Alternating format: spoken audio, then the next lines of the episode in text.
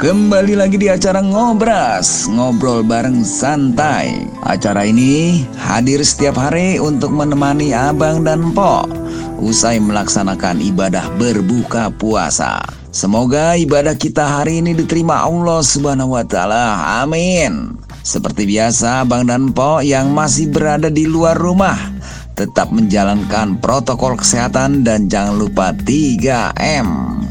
Malam ini Bang Hengkir Alam akan sedikit bicara terkait kegiatan KTT ASEAN. Nah, berbicara KTT ASEAN, Abang dan Po di sini, saya akan membacakan sebuah artikel yang ditulis oleh Reza Kurniawan yang berjudul Mengapresiasi Pelaksanaan KTT ASEAN di Indonesia. KTT ASEAN yang tahun ini diselenggarakan di Jakarta sudah sepatutnya kita apresiasi. Pasalnya Jakarta dipercaya menjadi tuan rumah acara yang prestisius. Selain itu, KTT adalah ajang yang bagus untuk networking antar negara ASEAN dan jadi awal kerjasama ekonomi dan bisnis antar mereka. Sabtu 24 April 2021 adalah pembukaan KTT ASEAN di Jakarta. Acara ini akan mengundang perwakilan dari tiap negara ASEAN, mulai dari Brunei Darussalam, Malaysia, sampai Vietnam. Acara yang diselenggarakan tiap tahun ini menjadi ajang penting untuk berdiplomasi dan membicarakan isu-isu terkini serta mempererat hubungan persahabatan antar negara ASEAN. Pelaksanaan KTT ASEAN di Jakarta patut kita apresiasi. Pertama, KTT tahun ini diselenggarakan secara langsung, bukan online seperti tahun lalu karena alasan pandemi. Meskipun dunia masih dilanda corona, tetapi acara ini dijamin diselenggarakan dengan protokol kesehatan yang ketat. Berarti Jakarta diperbolehkan untuk mengadakan KTT karena bukan zona merah.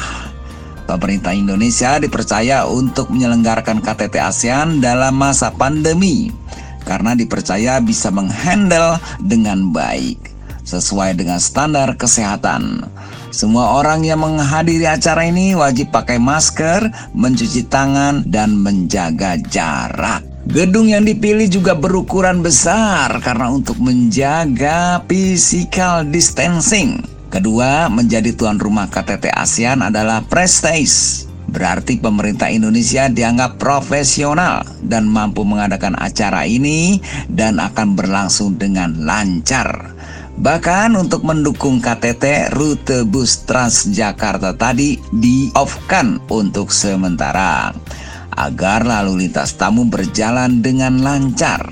Sementara yang ketiga, KTT ASEAN adalah ajang yang bagus untuk membina persahabatan antar negara dari hubungan erat ini. Maka pemerintah bisa mengeluarkan jurus rayuan agar mereka mau berinvestasi di negeri ini.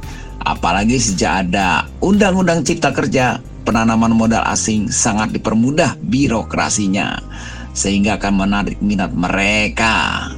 Jika gol, maka rakyat yang diuntungkan karena proyek investasi pada umumnya adalah padat karya, sehingga bisa mengurangi angka pengangguran di Indonesia. Masyarakat yang kehilangan pekerjaan bisa melamar ke sana dan keluar dari jeratan kemiskinan dan tekanan saat pandemi. Selain itu, KTT ASEAN adalah ajang untuk menjual pariwisata Indonesia ketika vaksin corona sudah ditemukan dan pandemi diprediksi lekas berakhir.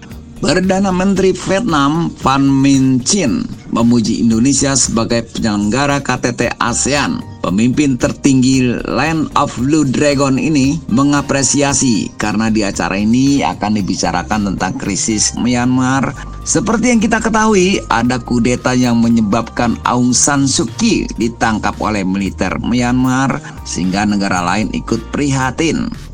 Perdana Menteri Vietnam dan Presiden Jokowi berdiskusi mengenai keadaan di Myanmar.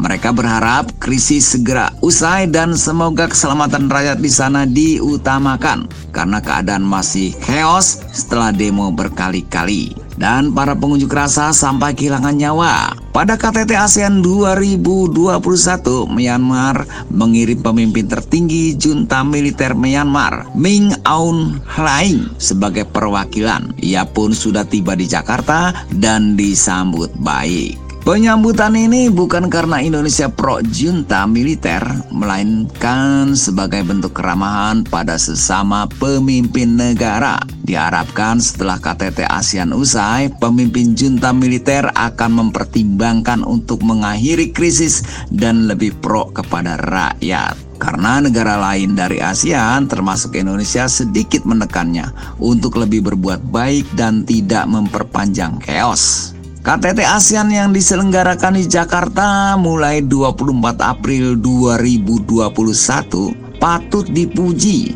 karena Indonesia menjadi tuan rumah yang baik walau sedang didera pandemi. Penanganan KTT sangat mematuhi protokol kesehatan. Kepercayaan dari negara lain juga patut diapresiasi karena Indonesia dianggap mampu untuk menggalang persahabatan antar negara ASEAN. Penulis adalah kontributor Pertiwi Institute.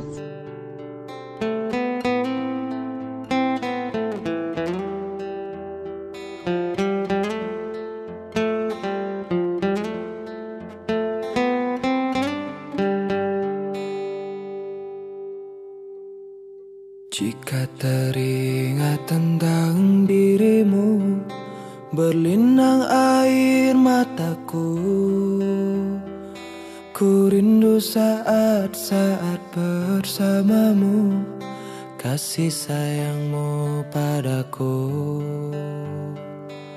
Namun kini kau bukan milikku Dan berakhir sudah cintaku.